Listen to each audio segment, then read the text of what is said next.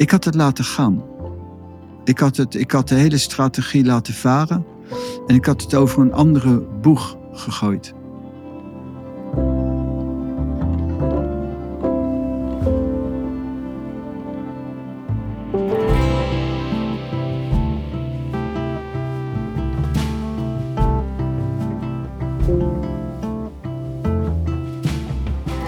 Wanneer heb je als ondernemer strenger voor jezelf te zijn om je doelen te bereiken, je ambities waar te maken? En wanneer heb je juist milder te zijn voor jezelf? Daarover ga ik in gesprek met Pranay in deze podcastaflevering. Je hoort het aan mijn stem, ik ben verkouden, dus die klinkt niet helemaal optimaal. De inhoud is er niet anders om. Ik denk dat we in deze aflevering een heel ja, essentieel onderwerp aanboren. Als je je hierop verfijnt, dat het zoveel kan betekenen voor ja, de mate van energie, van zoals Pranay dat ook wel kan noemen, exhaustion en frustratie die je zelf kunt besparen. En daarmee ja, de mate waarin je jouw eigen proces naar jouw doelen en naar die grootste ambities kunt versnellen. Dus ik hoop dat je nou ja, ook met die interesse gaat luisteren. In ieder geval wens ik je veel luisterplezier. Pranay. Precies.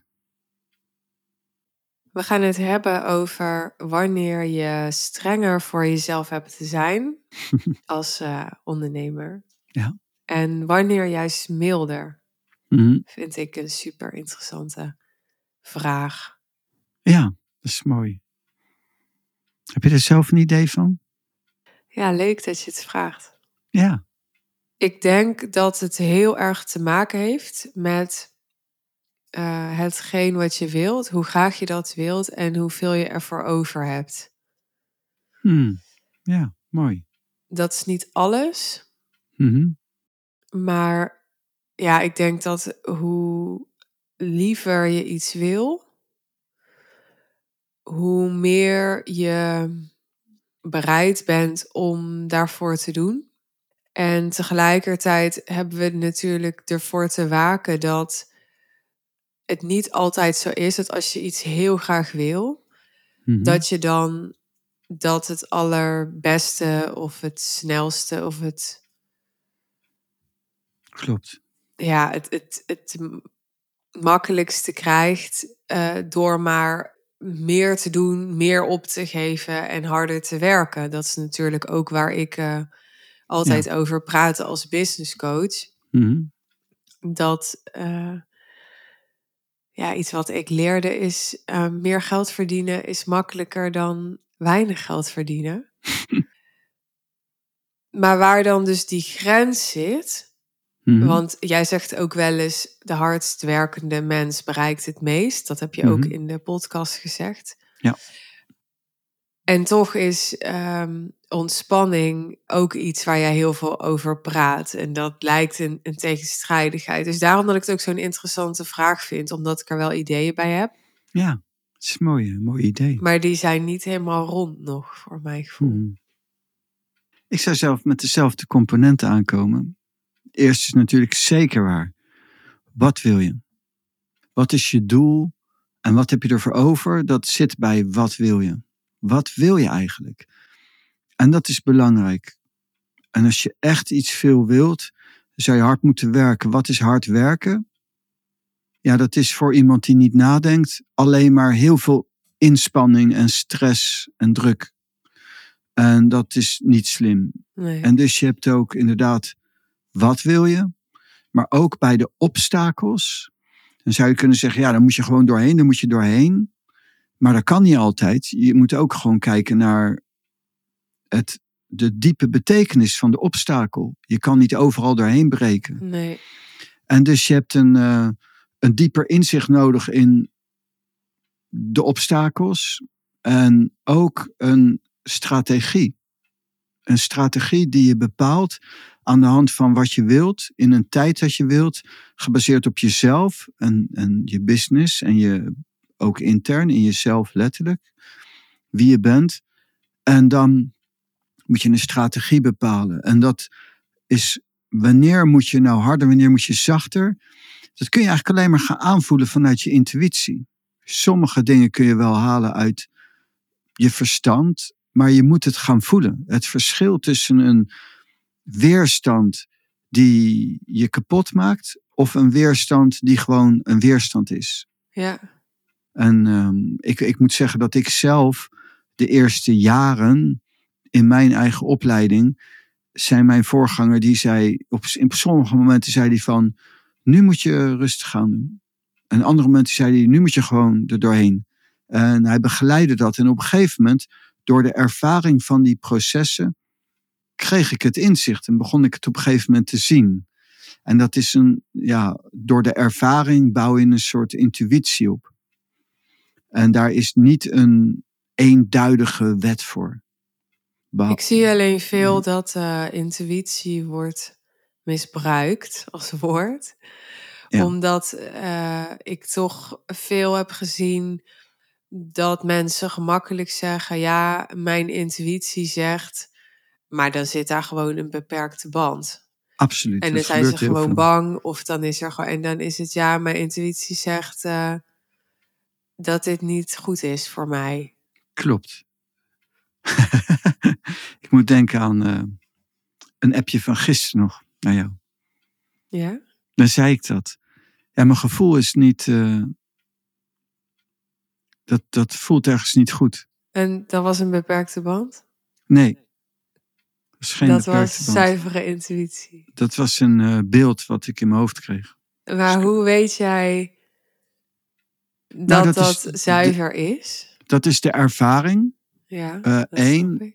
Maar twee, je weet het nooit helemaal zeker.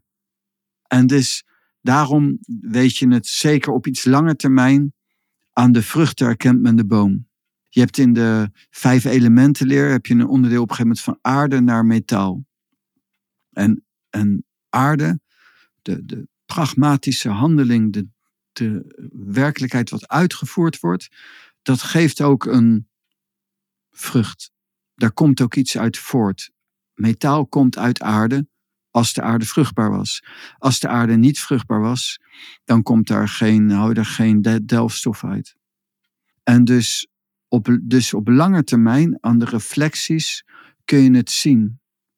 Kun je het gaan ervaren. Aan de vrucht herkent men de boom. Maar op korte termijn, Maar dit klinkt nog niet heel concreet. Hè? Als je hier naar luistert, dan denk je: oké, ervaring, lange termijn. Maar ja, die ervaring moet je opdoen door te oefenen, te experimenteren. Dus wat doe je dan? je hebt een doel, dus je wilt iets bereiken. Dat iets moet je ook bereiken. Als je strategie niet goed is, ga je dat zien. Ik zeg zelf, wanneer moet je doorgaan? Als iets echt niet werkt, wil ik dat wel, hangt eraf wat het is, een paar weken, een paar maanden zelfs aankijken. Maar dan is het echt op. Want dan weet ik gewoon, de, de, de, de constructie is niet goed. En dan moet je iets wijzigen. Dan kun je niet doorgaan. En ehm, dat is een heel essentieel iets. En het is ook niet wat ik nu zeg een wet, want op sommige momenten moet je juist gewoon lang doorgaan. En een lange adem hebben. Bijvoorbeeld met de QR-code. Die was al jaren, jaren geleden was die geïntroduceerd en dat wordt een flop. En toen ging het weg. En toen eh, sprak ik met een zakenman. Toen zei ik van, ja, die QR-code die heeft het niet gered. En die man zegt, jawel hoor. Alleen dat is het gewoon het proces. De mensen zijn wat stug, dus we introduceren dat. En dan wordt het een flop, lijkt het. En dan wacht je een paar jaar, hangt eraf wat het is. En na een tijd introduceer je het weer. En dan kijk je, is diezelfde QR-code weer. En eh, dan eh, dat doe je een paar keer. Of, en op een gegeven moment dan is die in het. En de QR-code is nu heel erg gebruikt. Heel veel gebruikt. En het heeft jaren geduurd. En dus het is ook wel ook een strategie. En dus je, moet wel echt je gezond verstand gebruiken. Ehm, maar dat is dan een strategie. Maar het moet wel, het moet wel wat doen. Tegelijkertijd. Nou ja, laten we een, ehm, laten we een concreet voorbeeld nemen. Eh, Ja. Ik heb ooit, laten we een zakelijk voorbeeld nemen. Mhm. Ik heb ooit, heb ik ook vaak op mijn eh, eh, events verteld in het verleden, een periode gehad in mijn bedrijf dat ik eh 60 sales calls achter elkaar een nee kreeg. Ja, heb je verteld. En ehm, ja. ik weet dat dat is best wel veel. Hè? Dit, zo klinkt het. Ja, maar ga, ga er maar eens aan staan. Ga maar Ja, ja, dat 60 begrijp gesprekken hebben en dan Nee, nee. Hè, dus nee, het is nee. makkelijk gezegd, maar in de praktijk is dat best wel een zware dobber om Ja, nee, hè, als ondernemer om te incasseren. Absoluut. Zeker met mijn constitutie. nee, nou ja. Ja. en ook weer niet, want ik kan dus vrij, ik kan dus best goed tegen de afwijzing ook. Mhm. En ik ben heel, ja, gedreven, daar weet ik vaak over gehad. Dus, dus ik heb daar wel last van en niet last van. Tuurlijk. Ja. Maar ehm, ja, dat was. eh, Ik heb me later echt gerealiseerd van wow, dit was echt zo'n moment geweest. Ja, ik heb niemand van mijn klanten bijvoorbeeld ooit zoiets zien meemaken.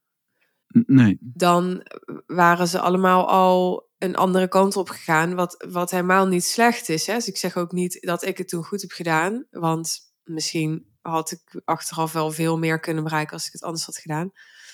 Maar ik neem er maar even als voorbeeld dat, dat zo'n moment is geweest dat je inderdaad kunt afvragen, Is dit wel goed? ja, Nou, het is beide. Ehm, kijk, uiteindelijk, als je echt een lange adem hebt, kan heel veel. En dan bereik je altijd wel een succes. Maar dus in jouw voorbeeld, als ik dan ehm, even zonder allemaal details, die weet ik allemaal niet, nee. dan, ehm, dan zou ik gezegd, zou ik zelf zeggen, 60 keer nee, dan heb je wat over het hoofd gezien. En dat je doorzet en daarna wel succes bereikt, is mooi, maar het heeft je ook uitgeput. Dus je had beter wel door kunnen gaan, beter kunnen kijken, wat gebeurt daar? Ja, nou ja, dat Wat- heb ik wel gedaan. En Dus ik heb wel ehm, geanalyseerd in die periode.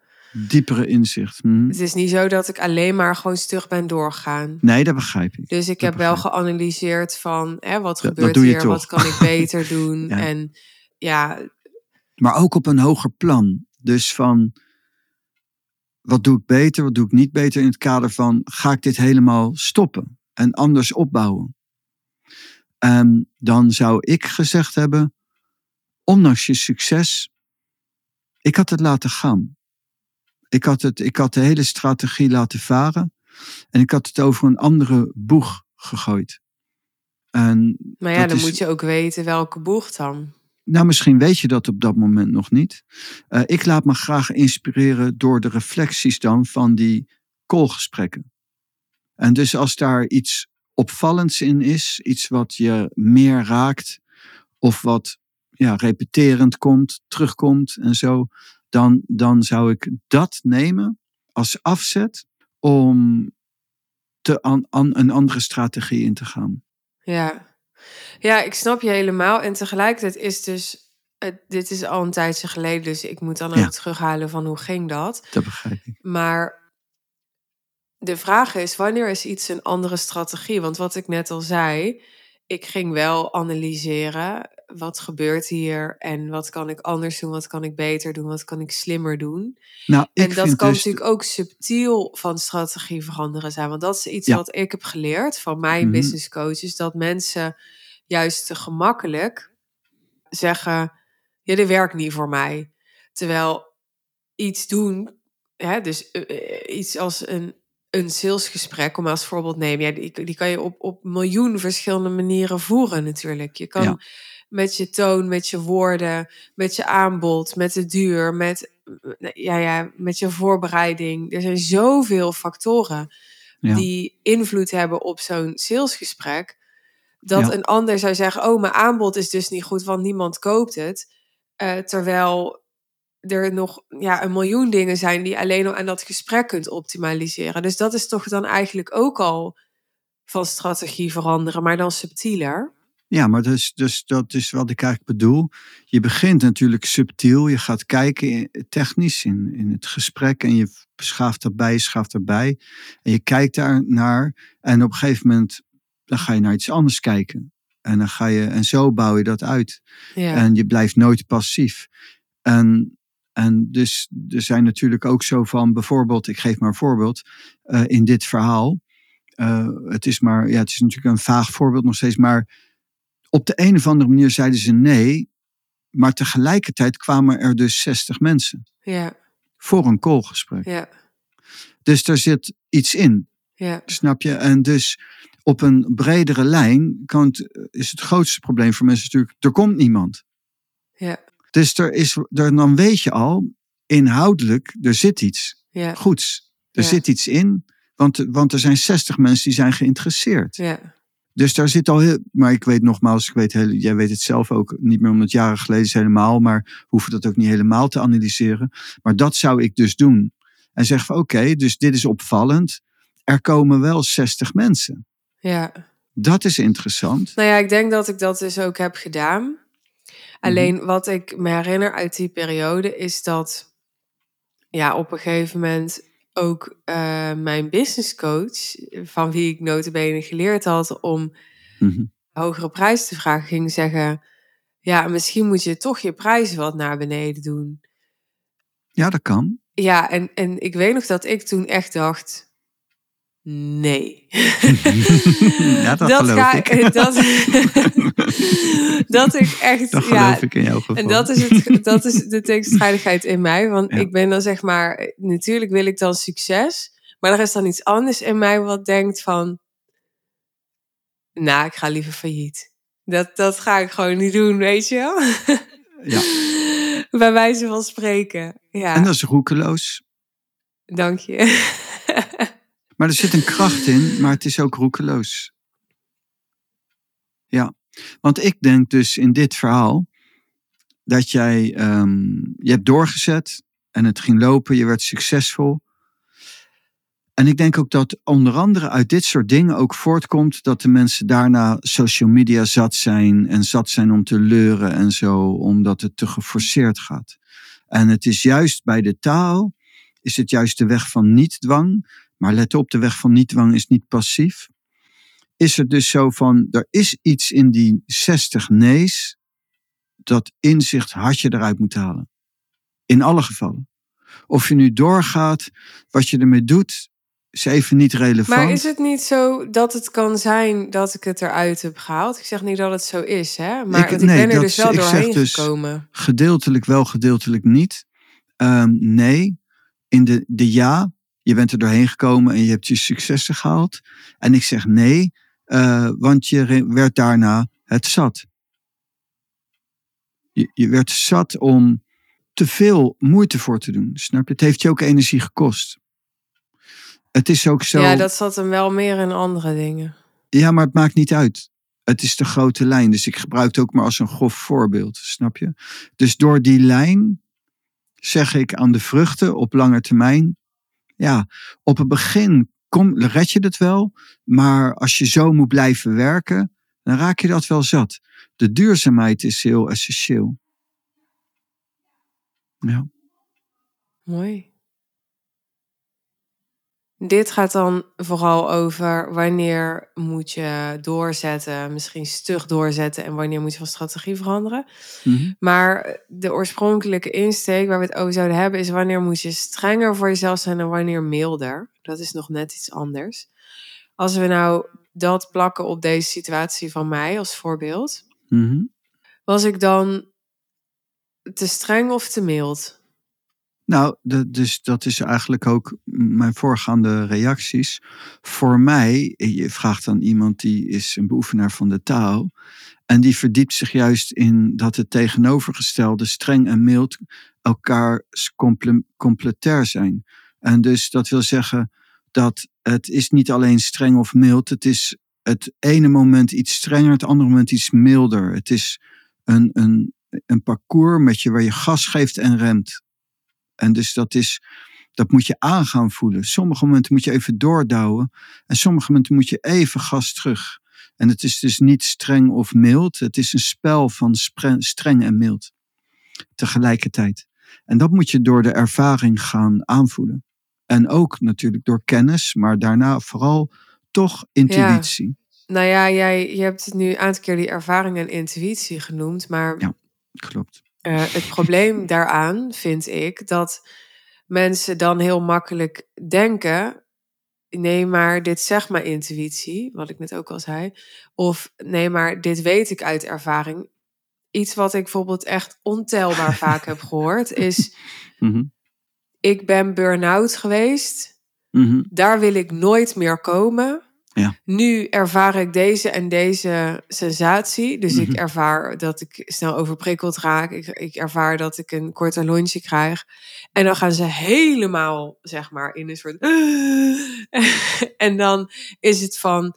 Bijna van, ja, ik laat nu alles uit mijn handen vallen, want dat nooit meer. En, en, dan, en dan is dat hele dat hele spel eruit. Dus dat mensen helemaal dan in een soort kramp schieten, juist op basis van die ervaring. Dus dan nemen ze die ervaring heel serieus. Want dat hebben ze de vorige keer niet gedaan. Zijn ze over hun grenzen heen gegaan. Dus nu is het van, nou, koste wat kost die grens beschermen. En Ja, dan, dat, eh, ja, dat, voelt dan, dat voelt dan voor mij heel geforceerd. In de shiatsu noemen ze dat de moeder-kindregeling en de strategiebepaling van het genezen. Kijk, als je zeg maar iemand tegenover je hebt, in dit geval, die heeft net een hele heftige burn-out gehad en die zit erin van nooit meer. En, en de constitutie van die persoon is leeg. Dan, uh, dat, dat, je hebt wat meer informatie nodig per, per geval, per casus op zich. En dan moet je gaan, inderdaad gaan bepalen, ga ik die persoon nou een schop onder zijn reet geven? Of ga ik die persoon eerst eens eventjes pamperen? En dat, als je dat niet kan, dan kun je eigenlijk niet iemand goed begeleiden. Want het is een strategie. En als jij zelf ook voor jezelf dat doel voor ogen houdt, dan moet je gewoon weten, ja, nu moet je gewoon niet iets negatiefs zeggen. Je moet nu iets positiefs zeggen. En als iemand sterker wordt en, en meer door begint te krijgen en ook de instelling krijgt, ik wil dat doel bereiken, kan je ook harder zijn. En als iemand terug begint te schoppen, zo van, die begint terug te treffen, ja, maar en naar jou, dan weet je al, dan moet je oppassen.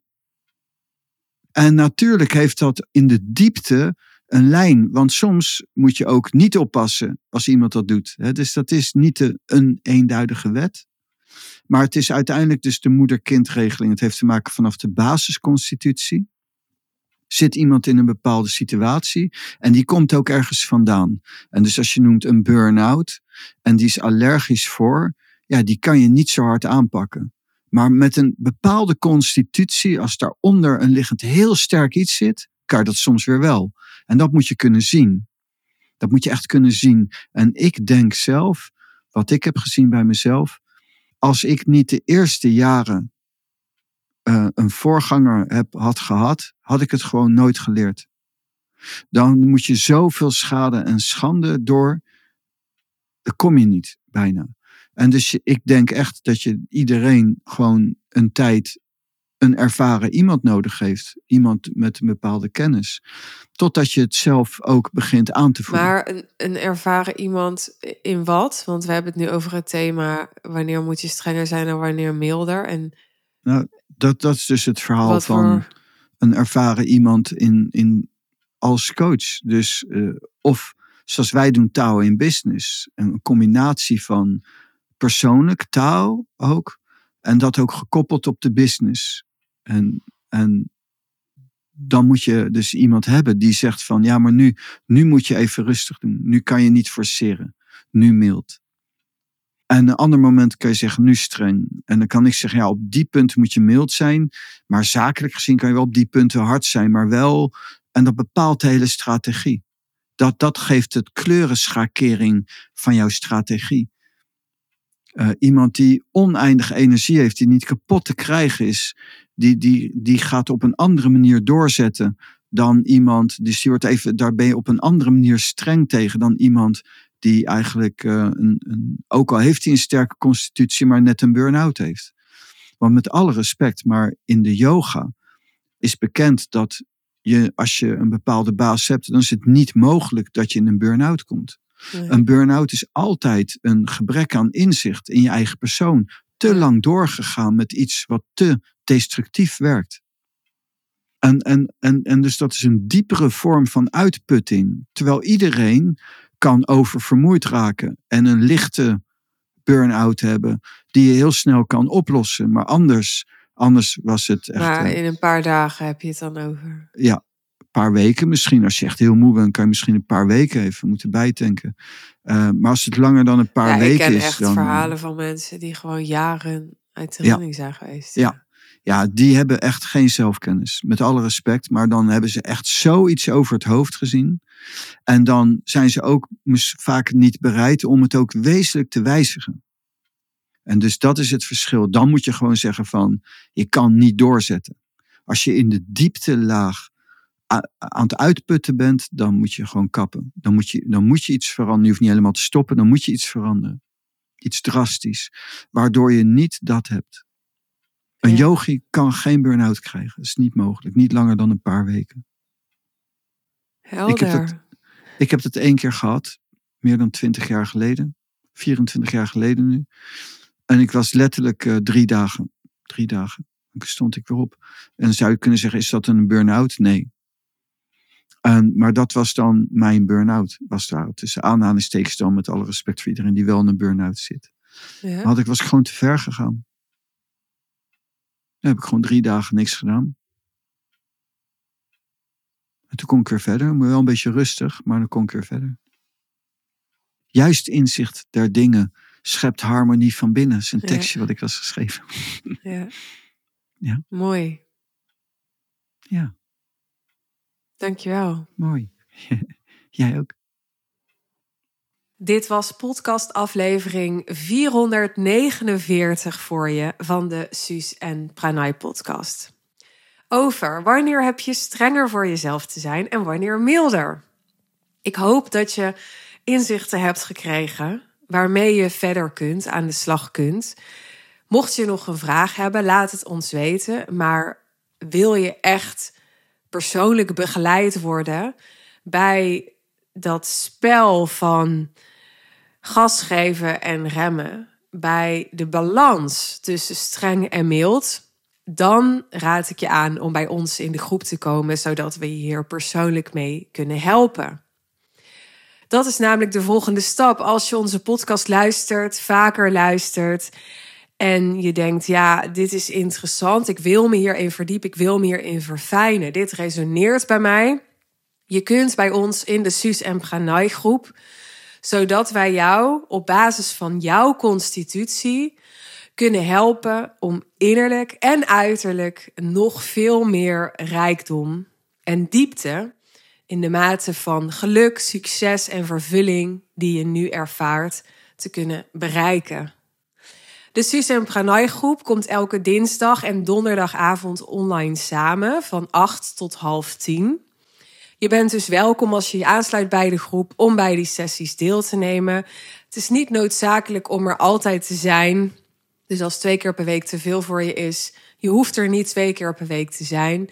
Maar we bieden je daarmee een ja, vrij frequent ritme, waardoor je in de prana kunt blijven en waardoor wij ook als groep iets innigs kunnen opbouwen met elkaar en elkaar snel kunnen opliften door de energie die we met elkaar creëren.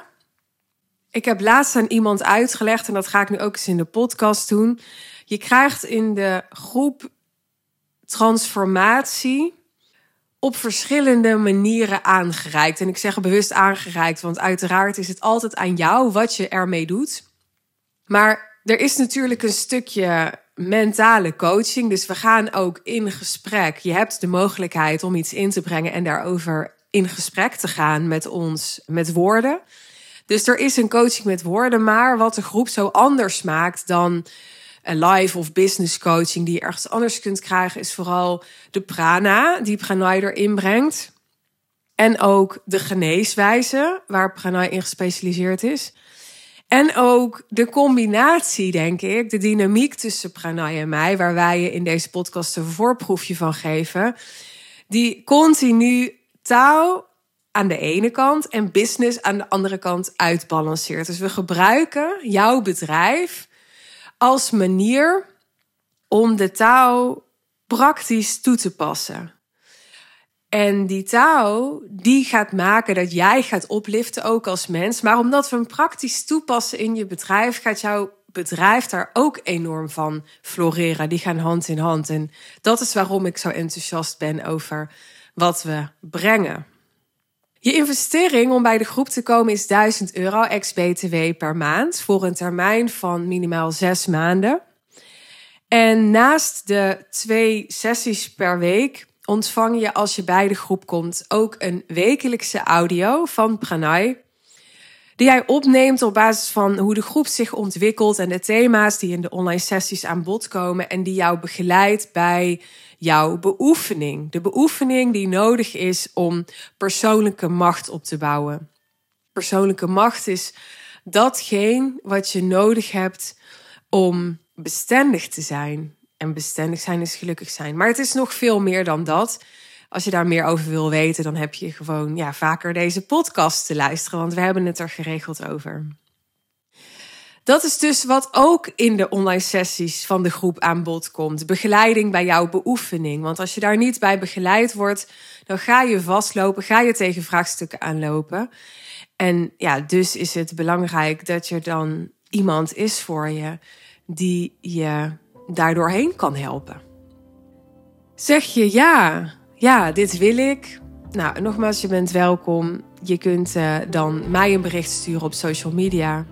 Of stuur een e-mail naar hello.suzannevanschuik.nl.